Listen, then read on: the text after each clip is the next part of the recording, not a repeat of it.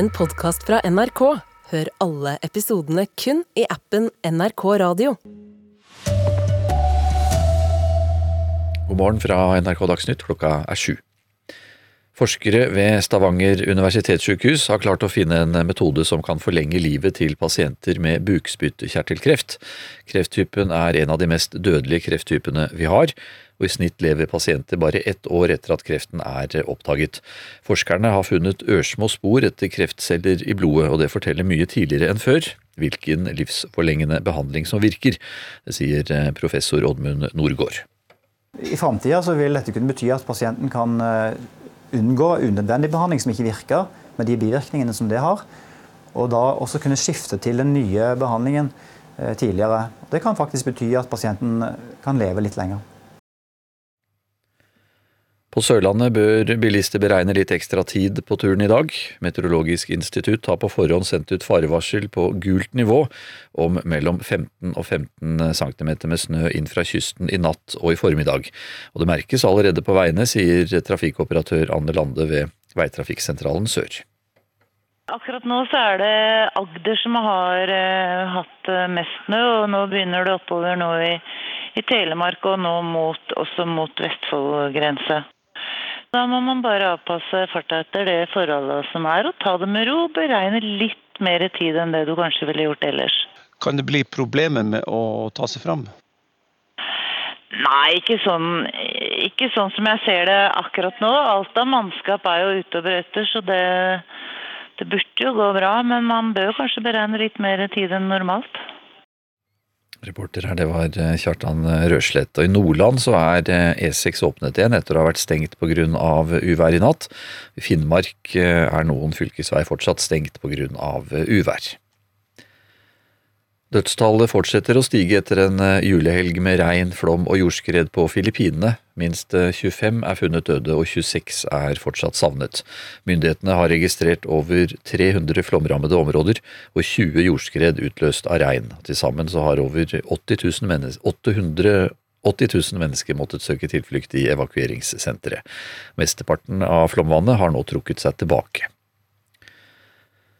Det serbiske militæret er satt i høyeste beredskap etter en anspent situasjon nord i Kosovo de siste ukene. I den delte byen Mitrovica så har Kosovo-serbere satt opp flere veisperringer. Situasjonen i den tidligere serbiske provinsen Kosovo har vært spent siden Nato i 1999 drev serbiske styrker ut. Kosovo har siden erklært seg uavhengig, noe som ikke anerkjennes av Serbia. Vestlige forsøk på å få i stand en avtale mellom Serbia og Kosovo det har ikke lykkes. NRK Dagsnytt, Anders Borgen Werring.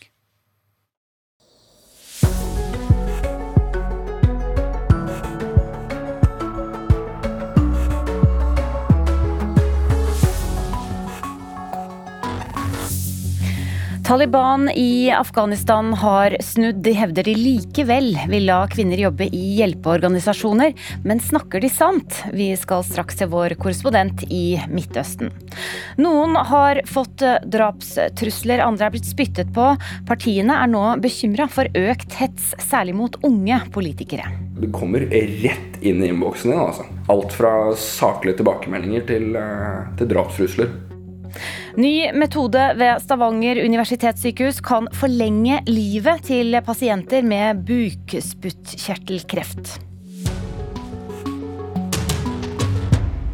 Dessuten skal vi snakke mer om at situasjonen på grensen mellom Serbia og Kosovo er mer spent enn på lenge. Det serbiske militæret er satt i høyeste beredskap. Dette er Nyhetsmorgen.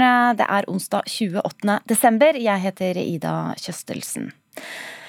Først nektet de kvinner å jobbe for hjelpeorganisasjoner, men nå ser Taliban ut til å ha snudd, i alle fall delvis. I går lovet nemlig bevegelsens finansminister at kvinner skulle få jobbe for hjelpeorganisasjoner likevel, hvis de brukte hodeplagget hijab. Det skjedde på et møte med FNs øverste representant i Afghanistan.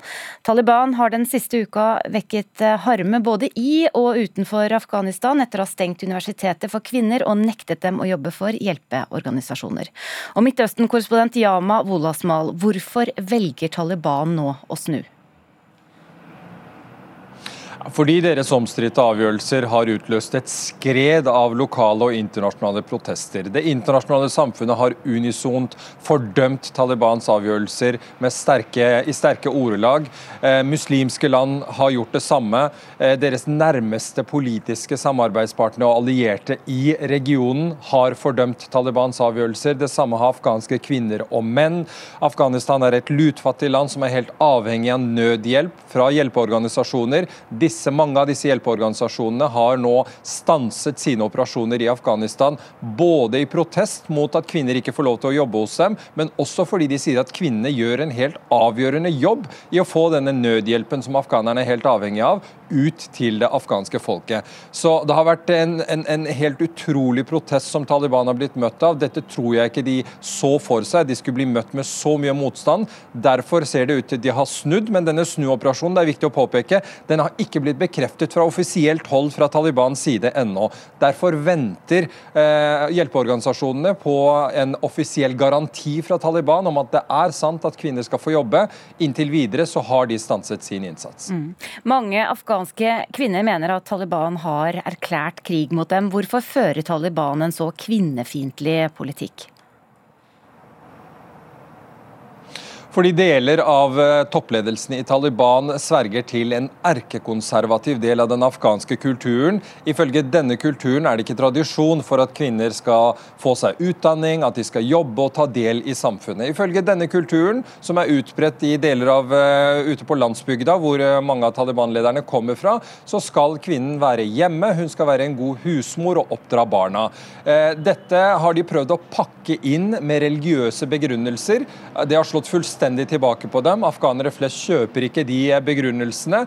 Eh, også internt i Taliban er det dyp, dyp splittelse over disse kvinnefiendtlige avgjørelsene til Taliban. De mer moderate, reformvennlige lederne har ytret eh, misnøye med denne avgjørelsen. De har vært stille de siste dagene. Det er en form for protest fra Taliban-ledelsen. Det har vært en rivende debatt internt, som også kanskje har bidratt til at de eh, ser ut til å snu i noen av disse avgjørelsene. Mm, du har jo vært inne på det, men hvordan reagerer afghanere flest på Talibans omstridte avgjørelser om å nekte kvinner nettopp utdanning og jobb? Altså, Kvinnene stakkars har jo protestert eh, høylytt, men det jeg tror har gjort mest inntrykk på veldig mange, eh, er, at eh, veldig mange afghanske menn har gått ut og støttet kvinnene i denne situasjonen. Vi har sett mannlige afghanske medisinstudenter ved et universitet forlate eksamenslokalet i protest mot at kvinner ikke får lov til å ta utdanning, og de har blitt applaudert av kvinner på vei ut. Vi har sett afghanske religiøse ledere som har gått på afghansk TV i beste sendetid og fordømt Talibans avgjørelser. De har sagt at dette har ingen plass i religionen. Taliban lurer ingen ved å si at dette er begrunnet med religion. Og vi har sett kjente professorer og forelesere ved f.eks. For Kabul universitet, som er det største universitetet i landet, gå på afghansk TV, gråtkvalt vise sin støtte til kvinner i denne håpløse situasjonen, og si opp jobbene sine på direkten. En av disse professorene rev sine diplomer og sine vitnemål og sa dette er resultatet av Talibans politikk. Kunnskap, utdanning har ingen plass i dette regimet. Så Det har vært ganske sterke scener som har utspilt seg fra afghanske menns side for å vise solidaritet med kvinner. Ja, takk skal du ha, Midtøsten-korrespondent Yama Wolasmal. Partiene bekymrer seg for at eh, økt eh, hets mot eh, politikere her hjemme gjør det mer krevende å få kandidater til å stille til valg. Det forteller Høyres generalsekretær Tom Erlend Skau etter et felles møte med de andre partisekretærene i høst. Eksempler på at lokalpolitikere spyttes etter på gata, får kommentarer på alder, utseende og kjønn, og i verste fall drapstrusler, gjør at mange politikere ikke orker mer. Dette gjelder særlig blant unge politikere. Altså, det, det, kommer rett inn i innboksen din. Altså. Og det er, noe, det er, ikke sånn at PST sitter og filtrerer meldinger som kommer til politikere. Der kommer alt sammen. Alt fra saklige tilbakemeldinger til, eh, til drapstrusler. Det forteller Simen Velle. Siden april har han ledet Fremskrittspartiets Ungdom. Men med økt synlighet i norsk offentlighet har han også måttet tåle mer hets. For min egen del så ser jeg litt på det som prisen jeg betaler for å være politiker. Men jeg skulle jo ønske at at det gikk an å være politisk aktiv, og at det gikk an å ytre seg offentlig uten at man skulle møte en så, så stor motstand som man gjør. da. Også AUF-leder Astrid Villa Hoem har selv måttet stå i flere stormer for sitt politiske engasjement, men mest av alt er hun redd for at hets kan føre til at særlig enkelte grupper vegrer seg fra å delta. Jeg er jo veldig bekymra for at uh, mange med minoritetsbakgrunn f.eks. opplever at uh, hetsen kan bli såpass stor at man ikke deltar i, i, demokratiet på samme måte og bruker ytringsfriheten sin. Eller at unge kvinner opplever at kommentarene på utseendet blir såpass store at det orker man ikke. Da mister vi halvparten av befolkninga uh, inn i demokratiet. Høyres generalsekretær Tom Erlend Skaug forteller at partiene nå opplever at det har blitt mer krevende å få kandidater til å stille i forkant av neste års kommunestyre- og fylkestingsvalg pga.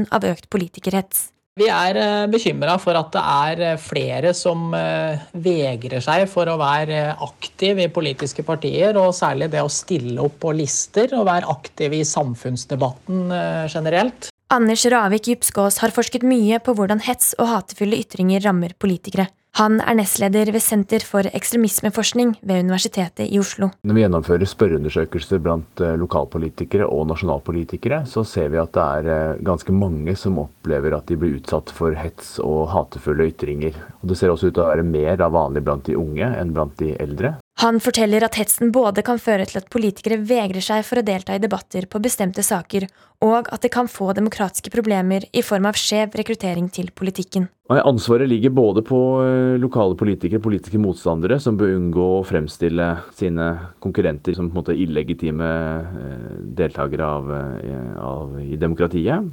Men også da mediene, lokale medier, som bør være varsomme med å fremstille saker på en måte som bidrar til unødvendig polarisering. Reporter her var Una Solheim. Så skal vi til eh, forskere ved Stavanger universitetssykehus, som nå har klart å finne en metode som kan forlenge livet til pasienter med bukspyttkjertelkreft.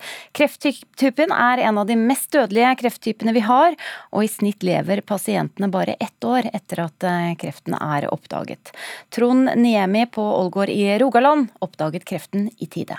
Jeg begynte jo nokså fort å tenke at eh, ja, hvor lenge har jeg igjen? Du får jo døden veldig nær innpå deg. Det gjør det jo. Sommeren 2019 fikk Trond Niemi det han trodde var fordøyelsesproblemer, men som på høsten viste seg å være bukspyttkjertelkreft. Og så fikk jeg det rådet fra kreftsykepleier at jeg burde ikke google om sykdommen. Så det gjorde jeg faktisk ikke. Bare 15% av pasienter med bukspyttkjertelkreft lever etter fem år. Årsaken er at kreften oppdages for seint. Bukspyttkjertelkreft kan kun kureres hvis man kan operere vekk all sykdommen. Så Hvis det allerede har spredt seg og man ikke kan operere alt, så er det lindrende behandling og livsforlengende behandling som er det som er mulig å tilby. Bjørnar Gilje er prosjektleder for en studie på bukspyttkjertelkreft på Stavanger universitetssykehus. Det ser ut til å være greie prøver, dette her. Ja da, det, det var mye i de. Veldig bra, dette her. Mm bra utbytte. Sammen med professor Oddmund Norgård og andre forskere har de funnet bitte små spor etter kreftceller i blodet. Det kan forlenge livet til pasientene. Vi har rett og slett eh, funnet ut at i blodprøver fra kreftpasienter, bukspyttkjertelkreftpasienter, så kan vi finne igjen DNA fra kreftsvulsten. Det gjør at vi kan vises at vi kan måle om behandlingen disse pasientene får, virker. I framtida vil dette kunne bety at pasienten kan eh, unngå unødvendig behandling som ikke virker, med de bivirkningene som det har. Og da også kunne skifte til den nye behandlingen eh, tidligere. Det kan faktisk bety at pasienten kan leve litt lenger. I dag tilbys det to forskjellige livsforlengende behandlinger til pasienter med spredning. Virker ikke den ene, tas den andre i bruk. Om den ene eller andre behandlingen virker, oppdages i dag ved hjelp av røntgen. Men de nye blodprøvene kan oppdage mye tidligere hva som virker eller ikke. Dette er et gjennombrudd som kan få betydning for eh, en del av pasientene. Vi kan jo ikke hjelpe alle, men en del har det betydelig e-, effekt for. Altså. Det er ny teknologi som gjør at forskerne har klart å finne kreft-DNA i blodet. Det er så lite som en promille sammenlignet med DNA fra blodcellene. Det er jo sånn at uh, det er veldig mange små ting, uh, små komponenter i blod. Og det å påvise noe som er i et mindretall, det er litt sånn å lete etter nål i en høystakk. Det er ikke så lett å finne, men hvis du finner det og vet nøyaktig hvor du skal se og hva du skal se etter, så er det mulig. Nå skal det forskes videre. Jeg tenker jo at det er fantastisk at noen vier sitt yrkesliv til å jobbe med dette. Trond Niemi var heldige. Kreften i bukspyttkjertelen ble oppdaget i tide, og han kunne operere vekk svulsten. I dag er han friske. Så nå fungerer jeg fint. Jeg har eh, jeg er full jobb og har krefter når jeg kommer hjem. Er ikke spesielt sliten. Har vært heldig med få ettervirkninger i forhold til eh, cellegift. Og jeg nyter hver dag. Ja, det sa Trond Niemi, og reporter her var Åse Karin Hansen. Dette er Nyhetsmorgen i NRK P2 og på NRK1. Klokka er kvart over sju.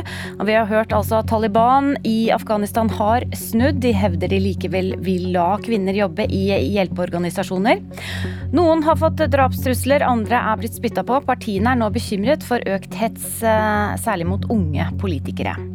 Og bli med oss videre også, og hør at Norges mest kjente pianist, Leif Ove Ansnes, vil presentere klassisk musikk på en helt ny måte. Men først skal vi høre at spenningen øker mellom myndighetene i Kosovo og landets serbiske minoritet. Kosovo-serbiske aktivister har satt opp sperringer i flere av landets byer. I nabolandet Serbia er militæret satt i høyeste beredskap, og myndighetene har gitt dem lov til å bruke våpenmakt i Kosovo, et land som Serbia aldri har anerkjent som egen stat. Trailere og personbiler står på tvers og blokkerer en vei i byen Gazivode i Kosovo. Over kolonnen veier det serbiske flagget. De siste ukene har Kosovo-serbere sperret flere av landets byer.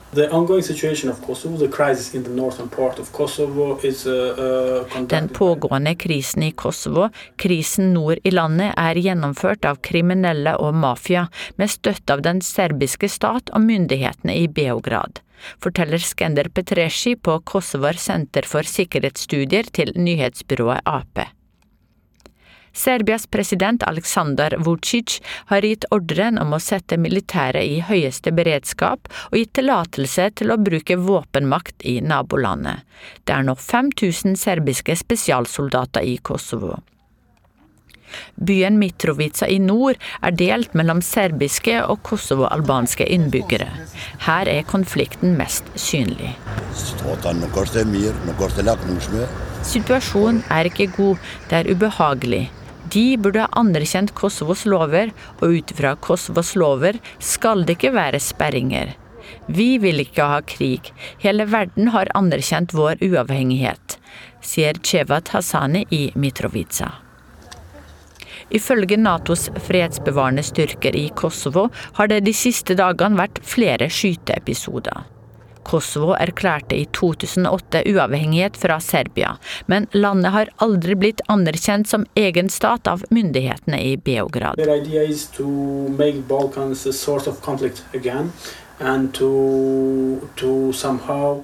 Deres tanke er å lage en ny konflikt på Balkan og gjennomføre Russlands og Putins mål om å utfordre Vestens autoritet i Europa spesielt etter konflikten i Ukraina, sier den kosovo-albanske sikkerhetsanalytikeren Petresci. Ja, reporter her var Sofia Parskevic. Og Svein Mønnesland, du er professor i slaviske språk og en av Norges fremste Balkan-eksperter. Aller først, hva er bakgrunnen for det som skjer i Kosovo akkurat nå? Ja, det har jo en lang bakgrunn. Det har jo vært konflikt i Kosovo mellom um, albanere og serbere helt siden 1980-tallet, ja kanskje lenger tilbake. Men vi husker på 80-tallet så brukte Milosevic Kosovo og den serbiske nasjonalismen i forbindelse med Kosovo som et springbrett for å sikre sin maktposisjon. Og det er noe av det samme vi ser nå. Mm, ja, På hvilken måte? Ehm, president Vucic i Serbia og hans regime er nå veldig presset av EU, som forsøker å få en løsning på Kosovo-spørsmålet.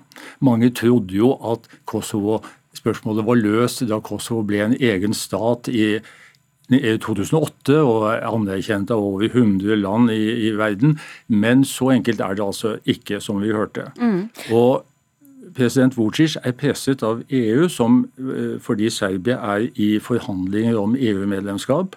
Og EU har lagt fram en plan som er den eneste fornuftige løsningen på dette, nemlig en normalisering. Og nå har Vucic forstått at normalisering betyr at Serbia må anerkjenne Kosovo som en egen stat, pluss at Kosovo må sikre eh, rettigheter til den serbiske minoriteten i Kosovo. Men for Vucic, eh, presidenten og regimet i Beograd, så er det nå helt umulig å anerkjenne Kosovo. For de har kjørt en propaganda, en retorikk om at Kosovo er Serbias hjerte, og Serbia som stat kan ikke overleve hvis de ikke får Kosovo eh, tilbake. Så Dermed er han kommet i en veldig vanskelig situasjon, og da er en konflikt alltid en løsning for en politiker. Og hvor sterke er disse serbiske styrkene vi hører om? Ja, Det er ingen serbiske styrker inne i Kosovo.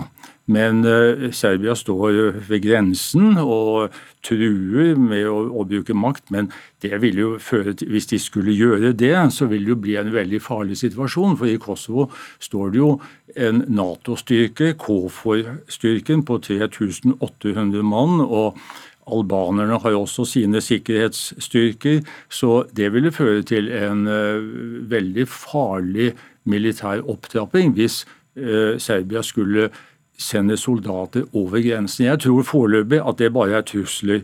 Og det er jo sånn nå at president Vucic og hans folk trenger nå en konflikt for å, å vise at, eh, at de er handlekraftige, kan forsvare den serbiske minoriteten. Dette minner om Milosevic for en del tiår siden. Og eh, hele den situasjonen som Serbia er i, ved at de er det eneste landet ved siden av Hviterussland som ikke har innført noen sanksjoner mot Putin-regimet, gjør jo også at Serbia nå er blitt veldig isolert og trengt inn i et hjørne, og dermed trenger man denne konflikten. Ja, Denne eh, konflikten og krigen i Ukraina, eh, hvordan har den påvirket eh, utviklingen av det vi ser i nord eh, i Kosovo nå? Den påvirker det på den måten at Serbia har satset på Russland pga. Kosovo. Fordi Russland er på en måte Serbias sikkerhet, eh, garanti for at Sikkerhetsrådet i FN ikke vil anerkjenne Kosovo som medlem av FN. Det ville være helt forferdelig for Vucic. Dermed så har han satset på Putin, som er en nær støttespiller. Og det gjør enda mer at Serbia er blitt trengt inn i dette hjørnet, fordi EU forlanger nå, som en del av EU-forhandlingene, at Serbia også skal følge EUs politikk overfor Russland. Og Mønnesland, hvor, hvor, alvorlig vil du si denne situasjonen er? Ja, Det er ikke første gang at uh, Serbia har sine militære styrker i høyeste beredskap uten at det har skjedd noe. Så jeg tror ikke vi skal uh, tro på denne retorikken umiddelbart. Men det er klart, det skal ikke mye til i en sånn situasjon før det smeller, og, og da kan utviklingen gå ganske fort i en negativ retning. Men foreløpig så virker det som at man er mest interessert i å holde på denne spente situasjonen for å vise at befolkningen Dette er jo et spill for befolkningen i Serbia, å vise at, at uh, ledelsen er handlekraftig. Mm. For Fins det noen annen løsning på konflikten? Er den uh, Nei, jeg tror den, jeg tror den eneste løsningen er det som EU foreslår nå. Og Det betyr altså i realiteten at Serbia må gi opp denne illusjonen om at Kosovo en gang skal bli en del av, av Serbia.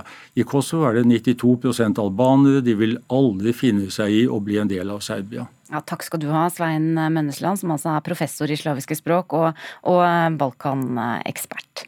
Vi skal uh, snakke om hopp nå. I dag er det nemlig klart for den tyske-østerrikske hoppuka, når kvalifiseringen til det første rennet i Oberstdorf eh, går i ettermiddag. Norge har de siste årene kjempet i toppen, men seieren den har uteblitt. Sist gang en nordmann vant, var tilbake ved årsskiftet 2006-2007, og de norske hopperne har en tanke om eh, hoppuketørken, hvorfor, blitt, hvorfor den har blitt så lang er jo Hovedproblemet er jo at vi ikke har vært gode nok når det har gjeldt. Klar tale fra Halvor Egner Granerud foran årets tysk-østerrikske hoppuke. Men de norske utøverne har vært nærme å vinne hoppuka sammenlagt de siste årene. Senest i fjor ble Marius Lindvik og Egner Granerud henholdsvis nummer to og nummer tre. Men seieren må vi tilbake til Anders Jacobsen i 2006-2007-sesongen for å finne.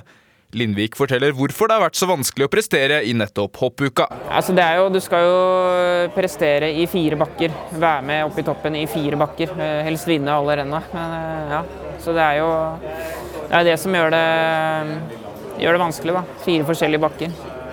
Og Granerud tror det handler om å bruke kreftene riktig for å levere på topp. Nei, Jeg tror det er litt sammensatt. Jeg tror vi kan bli mer kyniske. I hvert fall for min egen del. Da jeg kom inn i hoppuka med gul trøye, så sett i ettertid så burde jeg vært mer kynisk, men også apparatet rundt hadde nok hatt godt av å være mer kynisk i forhold til hva man sier ja til, og få et mindre energikrevende opplegg gjennom hoppuka. da tror jeg man har noe å hente. Landslagssjef Alexander Støkkel forteller at alt må klaffe for at Norge igjen skal få en hoppukevinner. Det er tilfeldigheter. Det er uh, alltid at det er uh, mange nasjoner som kjemper om uh, den ene seieren. Det er mange nasjoner som har flere gode løpere. Um, og vi har ikke klart å virkelig ta det siste steget og ha en mann som står helt øverst. Vi har hatt to pallplasser, vi har hatt tre, fire, fem. Vi har hatt mange løpere som har vært med lenge, men ingen i mange år som har klart å stå helt øverst eh, i Bischofshofen på siste premieutdeling. Så eh, alt må stemme.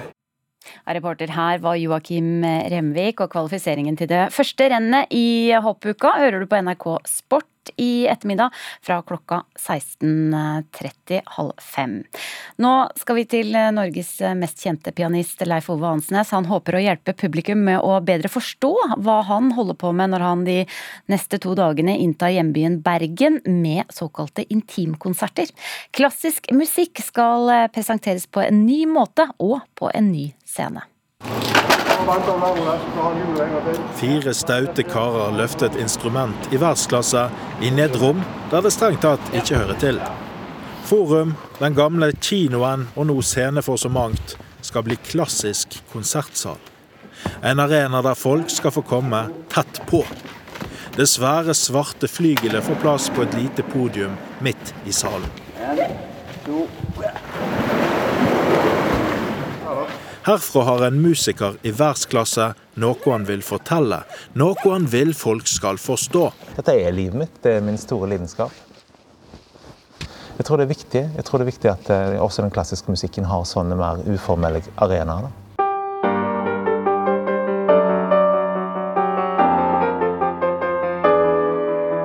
Harald Sæverud sin Kjempeviseslåtten er et av stykker som Leif Ove Ansnes nå ofrer litt av juleferien for å fortelle om. I dag og i morgen blir det intimkonsert med forklaringsspor. Ansnes skal spille og snakke med publikum om hva disse stykkene betyr for han, og kanskje litt om hva komponisten mente.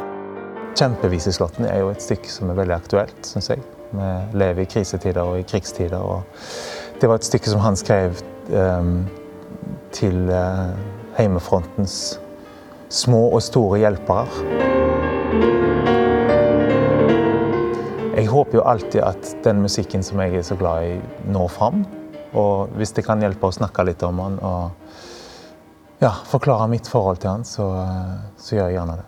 Tenker en at en egentlig av og til trenger kontekst i større grad for å kunne få mer ut av uh, det som blir spilt? Altså Hvis jeg går uh, på et billedgalleri eller museum og kunstneren eller en eller annen forklarer meg at ja, se hvordan lyset faller på det bildet sånn og sånn, eller hvordan komposisjonen er bygd opp, så klarte jeg å få en annen opplevelse av det. Stort sett så, så, så er det berikende. Og det tenker jeg at folk eh, har lyst på også når det gjelder musikk. Lite grann. Altså, Man skal ikke forklare musikken i hjel, for musikken står, altså, den er emosjonell. Det går eh, forhåpentligvis rett til hjertet. Men litt kontekst er bra. Blir det noe julesviske? Vet du hva, Jeg tror kanskje det blir en eh, konsert eh, fri for, for julesanger.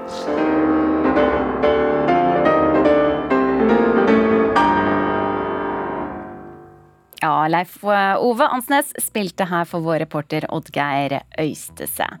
Straks er klokka 7.30. Anders Borgen Werring sitter klar med siste nytt. Så skal vi som vanlig ha Politisk kvarter etter hvert, og så skal vi gi deg siste oppdateringer også på vær- og føreforhold rundt i landet. Mye bedre enn i går, er en foreløpig liten oppsummering.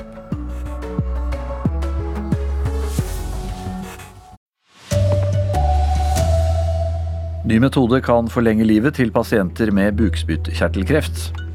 Kvinner i Afghanistan får lov til å jobbe for hjelpeorganisasjoner likevel, hvis de bruker hijab. Norske dataspill har millioner av spillere over hele verden, men er dårligst i Skandinavia på eksport av dataspill. Jeg tror vi fortsatt lever i den villfarelsen at dette er noe nytt og rart og annerledes. God morgen, her er NRK Dagsnytt. Klokka er 7.30. Forskere ved Stavanger universitetssykehus har klart å finne en metode som kan forlenge livet til pasienter med bukspyttkjertelkreft. Krefttypen er en av de mest dødelige krefttypene vi har, og i snitt så lever pasienter bare ett år etter at kreften er oppdaget. Trond Niemi på Ålgård oppdaget kreften i tide.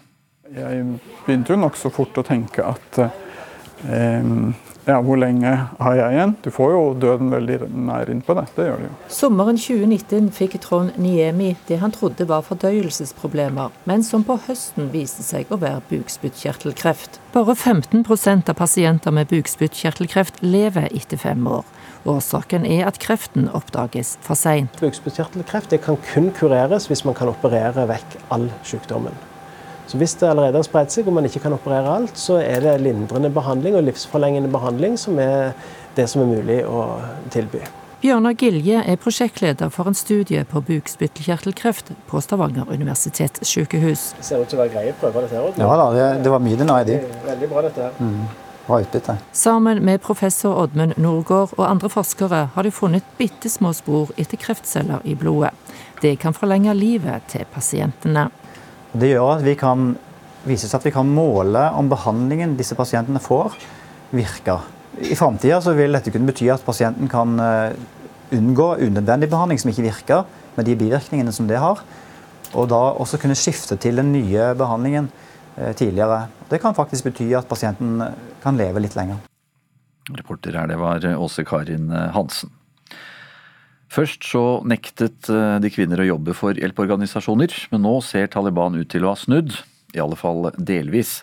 I går lovet nemlig bevegelsens finansminister at kvinner skulle få jobbe for hjelpeorganisasjoner likevel, hvis de brukte hodeplagget hijab. Taliban har den siste uka vekket harme både i og utenfor Afghanistan etter å ha stengt universiteter for kvinner og nektet dem å jobbe for hjelpeorganisasjoner. Og Midtøsten-korrespondent Yama Wolasmal, hvorfor velger Taliban å snu? Fordi de har blitt møtt av en massiv protest og fordømmelse både lokalt og internasjonalt. Det internasjonale samfunnet, FNs sikkerhetsråd, gikk i går ut og fordømte Taliban i harde ordelag.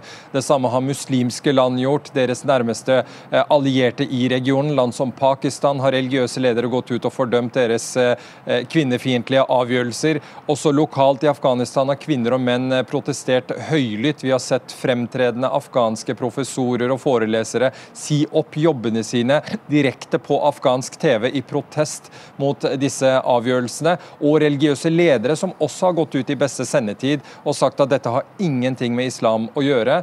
Og Alt dette kombinert har nok gjort at Taliban har, ser ut til å snu i hvert fall noen av disse avgjørelsene. Hvorfor eh, fører Taliban en så kvinnefiendtlig politikk, egentlig? Dette har sammenheng med at deler av toppledelsen til Taliban sverger til en konservativ del av den afghanske kulturen, som er utbredt på landsbygda, hvor mange av disse lederne kommer fra. Og Ifølge denne eh, kulturen er det ikke noe tradisjon for at kvinner skal ta utdanning og jobbe og ta del i samfunnet. Deres fremste jobb er å være en god, hustru, en god kone og oppdra barn og være hjemme.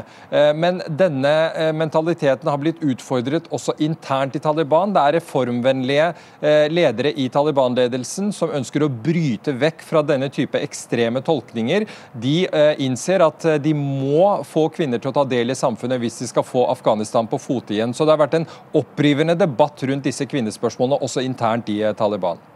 Takk skal du ha, Midtøsten-korrespondent Yama Wolasmal holder oss utenriks, for det er økt spenning mellom myndighetene i Kosovo og landets serbiske minoritet. Kosovo-serbiske aktivister har satt opp sperringer i flere av landets byer. Myndighetene i nabolandet Serbia har satt militæret i høyeste beredskap og gitt tillatelse til å bruke våpenmakt i Kosovo, et land som de aldri har anerkjent som en egen stat. Trailere og personbiler står på tvers og blokkerer en vei i byen Gazivode i Kosovo. Over kolonnen veier det serbiske flagget. De siste ukene har Kosovo-serbere sperret flere av landets byer. Uh, Krisen nord i landet er gjennomført av kriminelle og mafia, med støtte av den serbiske stat og myndighetene i Beograd, forteller Skender Petresci på Kosovar senter for sikkerhetsstudier til nyhetsbyrået Ap. Serbias president Aleksandar Vucic har gitt ordren om å sette militæret i høyeste beredskap og gitt tillatelse til å bruke våpenmakt i nabolandet. Byen Mitrovica i nord er delt mellom serbiske og kosovo-albanske innbyggere. Her er konflikten mest synlig. Situasjonen er ikke god. De burde ha anerkjent Kosovos lover, og ut fra Kosovos lover skal det ikke være sperringer, sier Cevat Hassani i Mitrovica. Ifølge Natos fredsbevarende styrker i Kosovo har det de siste dagene vært flere skyteepisoder. Kosovo erklærte i 2008 uavhengighet fra Serbia, men landet har aldri blitt anerkjent som egen stat av myndighetene i Beograd. Reporter her, det var Sofia Paskiewicz.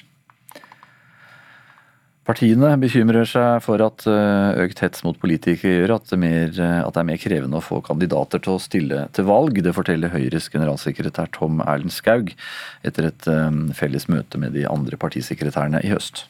Vi er bekymra for at det er flere som vegrer seg for å være aktiv i politiske partier, og særlig det å stille opp på lister og være aktiv i samfunnsdebatten generelt. Anders Ravik Djupskås forteller at hets kan føre til selvsensur blant politikere og skjev rekruttering til politikken. Han er nestleder ved Senter for ekstremismeforskning ved Universitetet i Oslo. Ansvaret ligger både på lokale politikere, politiske motstandere, som bør unngå å fremstille sine konkurrenter som på en måte illegitime deltakere av, av, i demokratiet. Men også da mediene, lokale medier, som bør være varsomme med å fremstille saker på en måte som bidrar til unødvendig polarisering. Reporter her, det var Une Solheim. Norske dataspill har millioner av spillere over hele verden, men likevel så er vi minst i Skandinavia når det kommer til eksport av dataspill. Sverige f.eks. tjener mer enn 100 ganger så mye på spill som Norge. Dette selv om norske politikere og næringsliv har snakket mye om å løfte bransjen fram. Jeg tror vi fortsatt lever i den villfarelsen at dette er noe nytt og rart og annerledes. Denne måneden la Virke og Norsk Filminstitutt frem sin nye spillrapport. Jeg tror vi har hatt fokus på helt andre ting. Det gjelder både på industrisiden, altså på, på næringslivssiden og det gjelder på det offentlige. Vi har ikke fått med oss hvor stort dette er. Det forteller Erik Hoftun.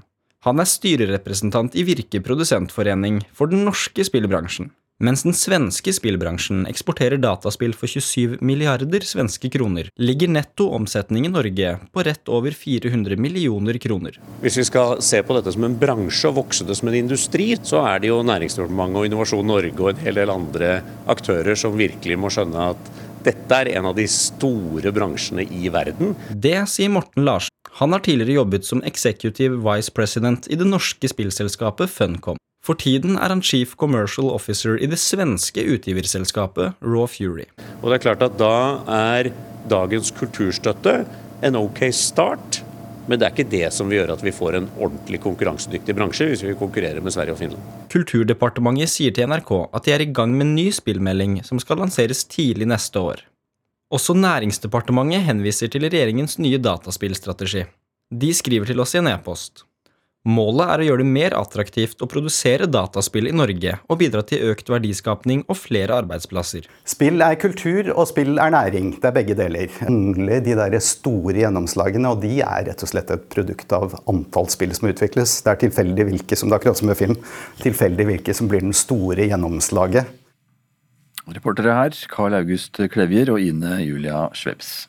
Det har vært mye vær denne jula, og nå meldes det om væromslag igjen flere steder. På Sørlandet så bør bilister beregne litt ekstra tid på turen i dag. Meteorologisk institutt har på forhånd sendt ut farevarsel på gult nivå og mellom 5 og 15 cm med snø inn fra kysten i natt og i formiddag. Og I Nordland kan vi også ta med, der er E6 åpnet igjen nå etter å ha vært stengt pga. uvær i natt. Og I Finnmark så er det fortsatt noen fylkesveier som er stengt. Dag Dørum har ansvaret for NRK Dagsnytt i dag. Jeg heter Anders Borgen Werring.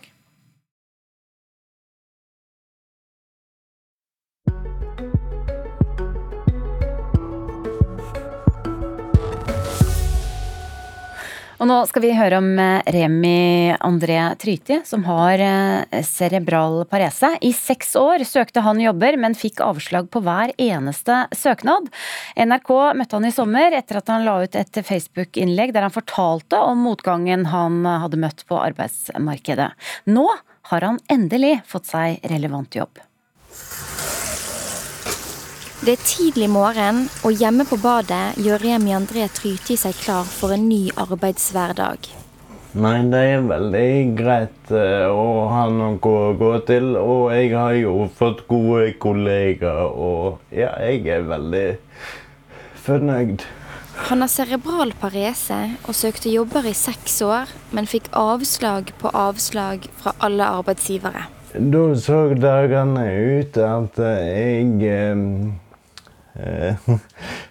våkna eh, sånn i åtte-ni-tida. Så eh, Netflix eh, fram til tre-tida, og så av og til på bading. Nei, det var jo ganske kjedelige dager hvis en ikke fant noe interessant å se på.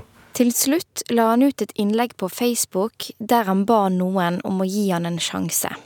Det er jo veldig utleverende, og jeg var jo litt imot det i første, første halvåret. Men til slutt så fant jeg ut at nå er det det her, eller så blir det kjedelige dager resten av livet, sånn sett. Lageret. Viktig å ha litt lunsj. Hva har du inni der? Oppstolen. Sånn, da er jeg klar. Egentlig. Han fikk mange tilbud, og etter mye frem og tilbake landet han på jobb som digital fagkonsulent i DNB. Bare kom inn, du. Ja, skal du levere noen telefon? Annonsen hans gjorde inntrykk på Kjetil Heimsæter i DNB, som valgte å tilby han jobb. Det er litt trist at eh, det har blitt sånn. Jeg tenker at eh, det at han sitter i rullestol, har cerebral parese, bør ikke være en hindring for at han skal kunne være i jobb. Han har et skarpt hode, han er en utrolig hyggelig kar. Jeg tror han kommer til å gjøre en kjempegod jobb for oss ute i desken her. Eh, Jeg syns vi har gjort et eh, kupp, og de som har takka nei til han, de har eh, tapt. Altså I utgangspunktet så er DNB opptatt av inkludering og mangfold. Vi skal ha plass til alle.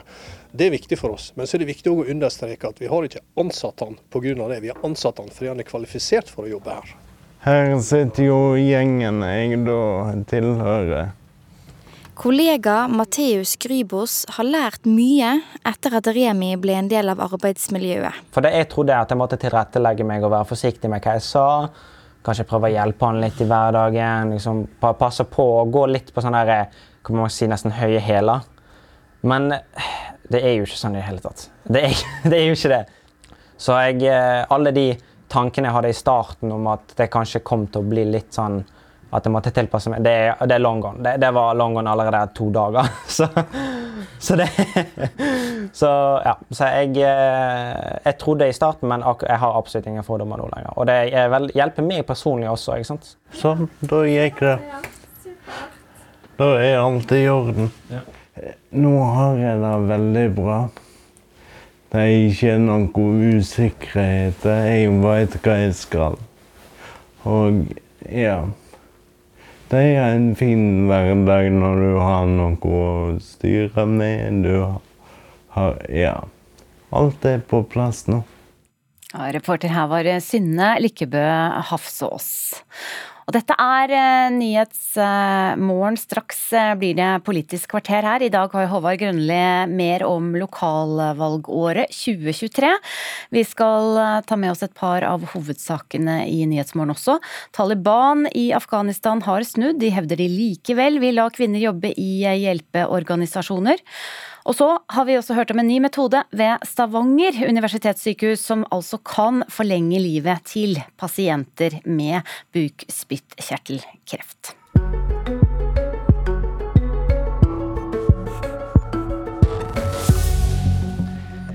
Vil Høyre gjenerobre makta i de største byene, eller vil Arbeiderpartiet klare å holde på den?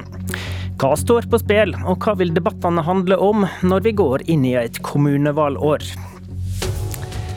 I denne romjulssendinga fra Politisk kvarter retter vi blikket mot den viktigste byen, eller iallfall den største, i vest, i Midt-Norge og i nord. Vi har med oss Eirin Eikfjord, politisk redaktør i Bergens Tidende, Siv Sandvik, politisk redaktør i Adresseavisa, og Tora Lindberg, politisk redaktør i, i Tromsø.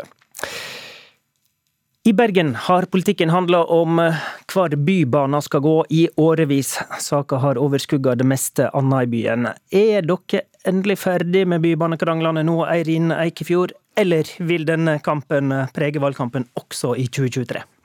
Nei, bybanekrangelen er dessverre, får man si, ikke ferdig. Og det kan jo se ut som at den kan prege enda et valg. Altså nå jobber jo det sittende byrådet med en reguleringsplan som de håper å få vedtatt før valget. Eh, hvis ikke det skjer, så er jo saken nok en gang i spill. Og det at det er et vedtak, eh, riktignok for tredje gang i bystyret, om hvor traseen til Åsane skal gå, så betyr jo ikke det at saken er landa i det hele tatt. Og der eh, omkampenes tid er ikke forbi i Bergen. Og så hadde eh, dere nylig egentlig en skandale som førte til at byrådsleder Roger Valhammer fra Arbeiderpartiet han måtte gå av, og, og nye koster ble satt inn. Hvordan vil det her spille inn? Altså, Arbeiderpartiet har jo hatt en ekstremt røff høst. Eh, det starta allerede med at KrF eh, forlot byrådet allerede i august. Og argumentet deres var da en rigid og konfliktorientert eh, byutviklingspolitikk. Og Så ble disse barnevernsskandalene rulla opp, og det endte med at mistillitsforslag og at Roger Valhammer måtte gå av og hadde forlatt politikken. Da tok ordfører Rune Bakervik over som byrådsleder for Arbeiderpartiet. De fikk jo makt igjen, eh, riktignok da kun sammen med Venstre. MDG ble kasta ut. Men all den støyen som har vært eh, rundt partiet er jo åpenbart ikke bra. Og på toppen av det så måtte de vedta budsjett sammen med Høyre for å klare å lande et budsjett før jul. Vi kommer tilbake til, eh, til det der, men um, før vi går videre. Uh, noe av utfordringa i Bergen har jo vært et ekstremt um, sammensatt bilde i, i, bystyret. Og noe av grunnen til det er jo at det forrige valget var et protestvalg der, der bompenger var uh, en voldsomt stor sak, og bompengepartiet uh, fikk et enormt bra resultat. Hvordan har det egentlig gått med Trym Aafløys bompengeparti i Bergen? Ja, Det har jo blitt fullstendig utradert på målingene. Det er ingen, altså 0,0 var vel egentlig siste resultat. Ja, det, eh, det er jo lavt. det, det, kan man si er lavt. Å gå fra 16,7 til 0,0 er jo definitivt ikke en suksesshistorie. Og veldig mange har valgt seg ut av partiet. Men det har jo ført til en ekstrem fragmentering av bystyret i Bergen, som gjør at det er veldig krevende å finne styringsdyktige flertall. Og det har jo skapt problemer både for høyresiden, men særlig da for Arbeiderpartiet og de de forsøker å styre sammen med. Lever bompengeopprøret? Ikke akkurat i den formen det fikk ved forrige valg, men eh, jeg ser jo ikke vekk fra at altså, samferdsel er um, tema for opprør her i byen uansett. og Det handler om bybane, det handler om bompenger. og eh, Jeg tror definitivt at det er en sak som kan blusse opp igjen eh, hvis det kommer på spissen. Men jeg tror bompengemisnøye lever i Tromsø, om jeg har forstått det rett. Kan du forklare oss hva striden står om, Tora Lindberg? Ja, eh, bompenger er faktisk noe som eh, innføres nå for eh, første gang i Tromsø på, på nyåret. 5. desember så skal det store skje. 5. januar. 5. januar, ja. Beklager. Og Tidligere så har Tromsø hatt påslag på en liksom særnorsk lokal ordning, men man har hatt påslag på pumpeprisen, som har vært en lokal avgift. Den fases nå ut, og så innføres det da bomsoner på Eh, på hele øya, og både på, på fastlandet og, og, ellers i, eh, ja, i, i, hele byen. Og det har vært eh, veldig mye fram og tilbake eh, om, eh, om denne eh, avtalen, om hvor mye staten sitt bidrag kom til å være på, om staten kom til å komme med noe bidrag i det hele tatt. Det, de største prosjektene er en ekstra bru fra Tromsøya, der selve byen er, og til, til Kvaløya, som er et stor øy med flere tusen innbyggere på, på yttersida, og, og, en stor tunnel som, som til, skal gå til, til flyplassen. Så viktig knutepunkt mellom universitetssykehus og store mm. arbeidsplasser i byen. Hva er det man krangler om da? Er det noen som partier som ikke vil ha bompenger i det hele tatt her, eller? Ja, da, vi har et eget, uh, eget bom... Nei, vi har ikke FNB. Nå sa jo de at de skulle opprette filial her for noen uker siden, men uh, vi har Nei til bompenger, som er utbryterparti fra Frp, som er da uh, mot bompenger, som det ligger navnet. Og Frp har òg sterk motstand mot bompenger. Arbeiderpartiet og Høyre, som er de to store partiene som kniver om ordførermakta her i byen, de har begge to stemt for bompengepakken, men pga. at det har vært så mye usikkerhet knytta til statens bidrag nå i år. Det var jo en av ordfører, sittende ordfører Gunnar Wilhelmsen fra Arbeiderpartiet sine store uh, saker var at når det bare ble rød-grønn regjering og Støre kom uh, på plass i statsministerstolen, så skulle det bli byvekstavtale oppå bompengepakken, sånn som Oslo og Bergen og de store byene uh, har. Og så har det kommet veldig mye skjær i sjøen fra, fra, mai av. og bidraget som kom i statsbudsjettet når det ble lagt fram, var så godt som ingenting. Og forhandlingen gikk i stå, og legitimiteten til avtalen har blitt veldig svekka merka blant eh, innbyggerne i Tromsø. Siv Sandvik, vi har ikke hørt så mye om bompenger fra Trondheim. Hva er de viktigste eh, sakene politikerne må løse der i 2023? Nei, sånn som det ligger an nå, så blir det en ganske sånn traust uh, valgkamp skjedd uh, på sakene. Det blir eldreomsorg, skole. En stor sak her har vært uh, bo- og aktivitetstilbudet til mennesker med ulike funksjonsnedsettelser. Der har Arbeiderpartiet lova bot og bedring i alle år. Nylig kom det en rapport som slakta tilbudet til denne gruppa, og det er en sak som Høyre har stor troverdighet i. De, alt de har lenge kritisert det, lenge lova mer midler til, denne, til dette tilbudet i sine sine alternative budsjetter. Så det, jeg tror nok at Høyre i hvert fall vil kjempe for å holde eh, denne saken eh, høy eh, i valgkampen. Og så krangles det jo om hvor mange parkeringsplasser det skal være i Midtbyen, hvor nye busstraseer skal gå, den type ting. Så samferdsel blir nok en, et valgkamptema også her. Godt å høre dere har litt samferdsel å krangle om også der. Det er jo sånn i Trondheim at Arbeiderpartiet nesten har hatt makta så lenge vi kan huske. Rita Ottervik har vært ordfører siden 2003 tre, men hun tar nå ikke attval. Ehm, eh, hvordan står det til med oppslutninga til Arbeiderpartiet etter 20 år med Ottervik? Den står det ganske dårlig til med. Eh, I vår eh, siste måling eh, i høst så har de en oppslutning på 21,5% Dersom det hadde blitt valgresultatet, så hadde det vært det dårligste for Arbeiderpartiet her i byen siden krigen. Og enda mer alvorlig sett med, med Ap-øyne er jo at de misfornøyde velgerne deres går ikke nå til andre rød-grønne partier, sånn som de gjorde i lokalvalget sist. De går nå i stor grad over streken til Høyre. Og på den siste målinga så har Høyre over 28% av stemmene. Og den blå-grønne blokka, som de kaller seg, er bare to mandater mm. unna flertall. Hva er toppkandidatene til å ta ordførervervet? Nei, det er jo veldig bra, tror jeg, for trondheimspolitikken at vi har to nye navn. Eh, både en nykommer i, i Arbeiderpartiet, han heter Emil Råen. Eh, han er en eh, mann som i store deler av sitt liv har jobba i offentlig sektor, bl.a. vært kommunedirektør i Ørland. Akkurat nå kommer han som, fra rollen som konsulent i PwC. Og så har du motkandidaten da, i, i, Høyre, som heter Kent Ranum. Han er for trondhjemmere flest kjent som eh, Eggen-imitator, og nå også konferansier. Men først og fremst så er han jo en næringslivsmann som har tjent seg rik på eiendomsutvikling. Og de er to, altså begge er familiemenn eh, født på uh, slutten av 70-tallet, mm. men de er veldig ulike, uh, både i stil og form og innhold, så det blir veldig spennende å se hvordan de bryner seg mot hverandre i valgkampen, og hvor stor rolle det her ordførervalget kommer til å, å få. Men i Tromsø er det Arbeiderpartiets mann Gunnar, Gunnar Wilhelmsen som er næringslivsmannen, mens Høyres Anne Berit Figenschou har leierjobb i skatteetaten. Er de i rett parti, disse to, eh, egentlig?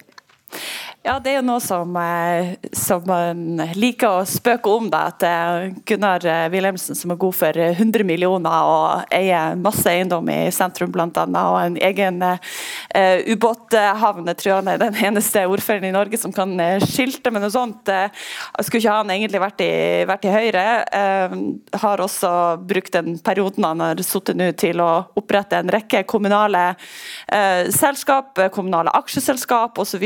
som som jo blir eh, påpekt som, som en form for privatisering av kommunen. Og så har du Anne Berit Figenschou, som er Høyres eh, ordførerkandidat, som er som du nevnte, seksjonssjef i, i Skatteetaten, og som i, i, Tromsøs eh, store sommerintervju med henne der hun lanserte seg selv som, eh, som ordførerkandidat, siterte ingen ringere enn Karl Marx, og har et ja, utprega, vil jeg si da, sosialdemokratisk verdisett i bunnen, selv om hun er absolutt opptatt av skatter og avgifter i, i tradisjonell høyrestil. da. Mens i Bergen har jo det underlige skjedd, eh, som du nevnte ikke i fjor, at Høyre og Arbeiderpartiet faktisk samarbeider om budsjettet for 23. Hvorfor gjør de det? Det er jo fordi eh, Arbeiderpartiet ikke klarte å finne flertall for sitt budsjett sammen med de som opprinnelig var samarbeidspartnere. MDG var jo med og la fram dette budsjettet i september, men trakk seg da eh, når det kom til stykket og ville ikke stemme for budsjett. Så Arbeiderpartiet så jo da ingen annen utvei enn å gå til Høyre, og det er jo selvfølgelig smertefullt eh, ja. ja, det har jo venstresida eh, reagert kraftig på. Det har vi berørt i Politisk kvarter her eh, tidligere i, i desember. Mens Arbeiderpartiet har jo også flere krisemålinger nå. Hva betyr alt det her for valgkampen til Arbeiderpartiet, da? Det ser jo ikke bra ut mål, på målingene for Arbeiderpartiet. Nå ligger de eh, rundt 18, altså 18,5 Det har de gjort stort sett Eh, siste halvåret under 20, som er dårlige tall for Arbeiderpartiet. De var faktisk nede i 14,9 på en sånn krisemåling i september. Men, eh, og i motsetning, men Høyre gjør det jo, eh, de ligger jo og lukter på 35 gjennom de fleste målingene våre. Mm. Og må, altså, de får jo ikke noe makt uten å ha politiske venner de kan få flertall med. Og akkurat nå så ligger jo Høyre betydelig bedre an til å få flertall. Hvis de går sammen med Frp og Venstre, så vil de klare flertall. Og hvis de får med seg KrF i tillegg, eh, så, så blir, står det jo enda bedre til. Så akkurat nå så ser det jo dårligst ut for Arbeiderpartiet. Sandvik, et eh, Høyre-Arbeiderparti-samarbeid om budsjett, kunne det skjedd i Trondheim? Da hadde jeg blitt veldig, veldig, veldig veldig, veldig overraska. Det var fem fem veldig der, altså. ja. ja. De landa i hvert fall et budsjett på rød-grønn side uten de store problemene her i byen. Arbeiderpartiet samarbeider med Senterpartiet, MDG og SV eh, i Trondheim. Vil det samarbeidet fortsette? Det vet vi ikke. Eh, Senterpartiet og Arbeiderpartiet har jo samarbeida i snart 20 eh, år, men Senterpartiet er Senterpartiet også i trondheimspolitikken. De kommer nok ikke til å love seg bort før valgresultatet er klart. Eh, og Høyres nye ordførerkandidat Kent Ranum har jo vært veldig tydelig på at han ønsker å samarbeide med Senterpartiet.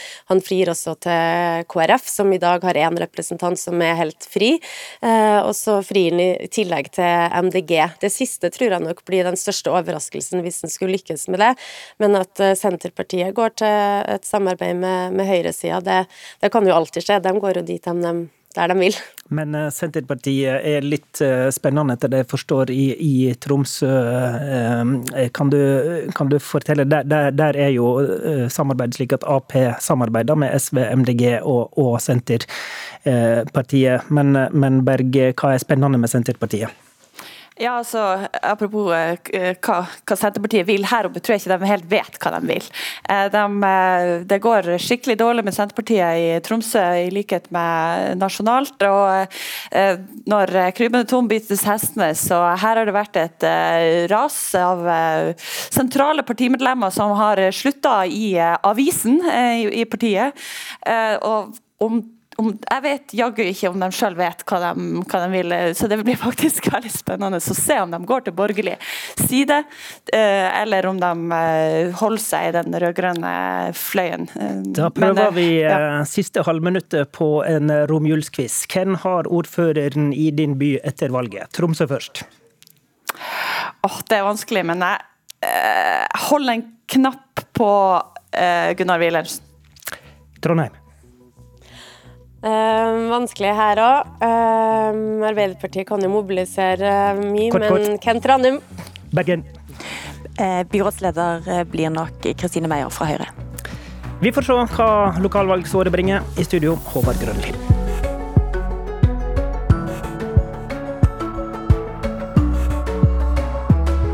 Du har hørt en podkast fra NRK. Hør alle episodene kun i appen NRK Radio.